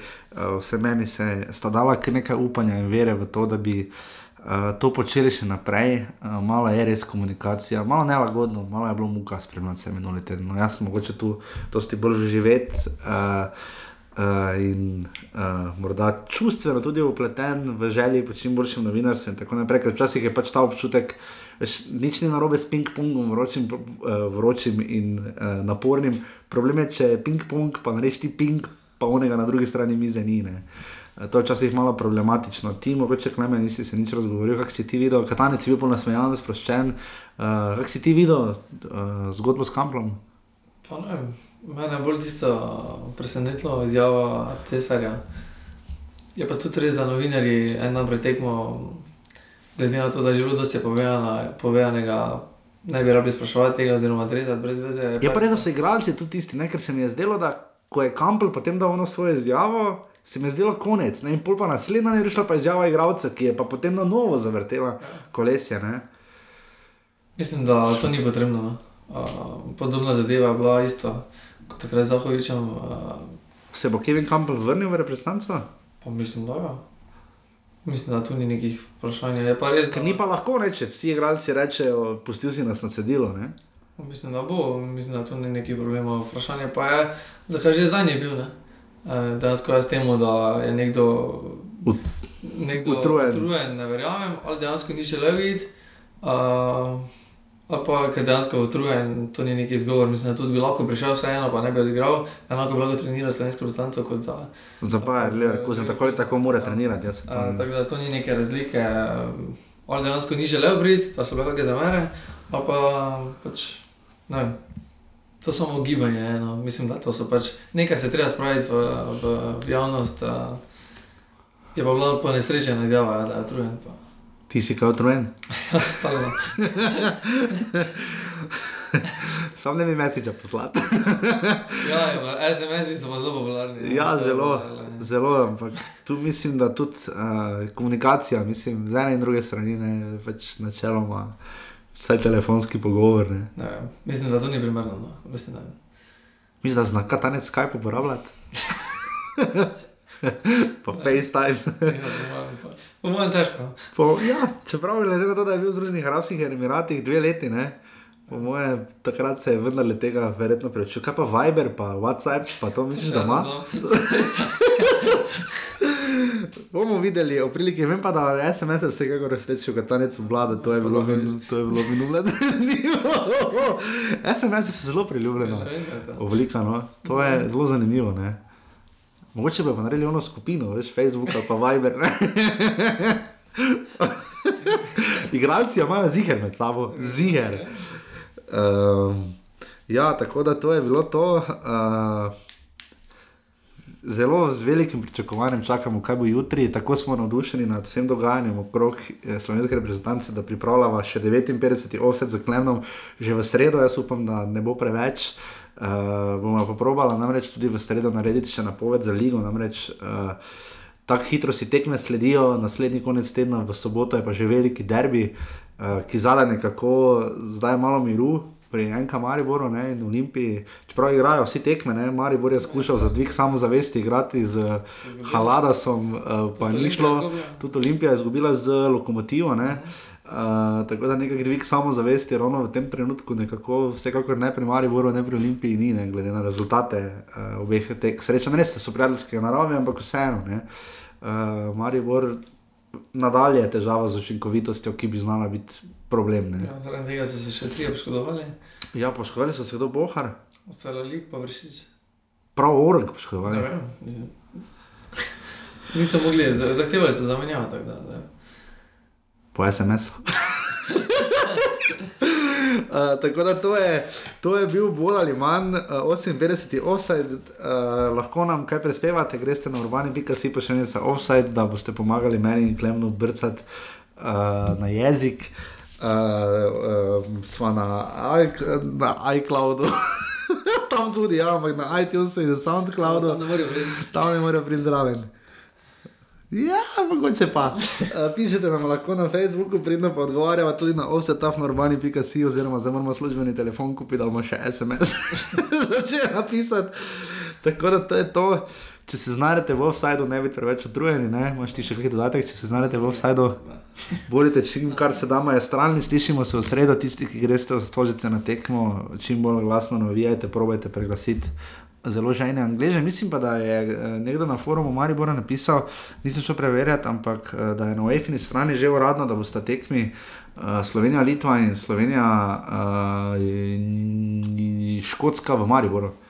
Eh, prihodnje leto. Eh, kar je zanimivo, no? da, ker sem mislil, da bo nekako stožice. Uh, nekako, čeprav trenutno ni nekako to dilema, vse meni se ne zdi. Kako veš, na domačem stadionu za vihanje. Pa krona veter tudi. Pet let je od zadnjega zadetka uh, iz nogometaša, reprezentanci, ki je za slovensko ligo, zadnjega je dosegel. Iz Prosti, Vidite, dame in gospodje, to je maestro Klemen in maestro Jaša, to je bil maestralni 58. offset, Klemen je že pospravil vse svoje stvari, to je bilo to. Hvala, že, izjemna hvala že to vašem in Mateju Grošlu, da ste se tako razgovorila in um, predajamo vas. Uh, Beti Jurkovič, probajte si spočiti, da ne bo potem izgovor, pa SMS-o, da ste v sredo preveč otrujeni za novi offset. Tako da to je bilo to, hvala, da ste bili z nami in adijo, servus, čau. Adijo.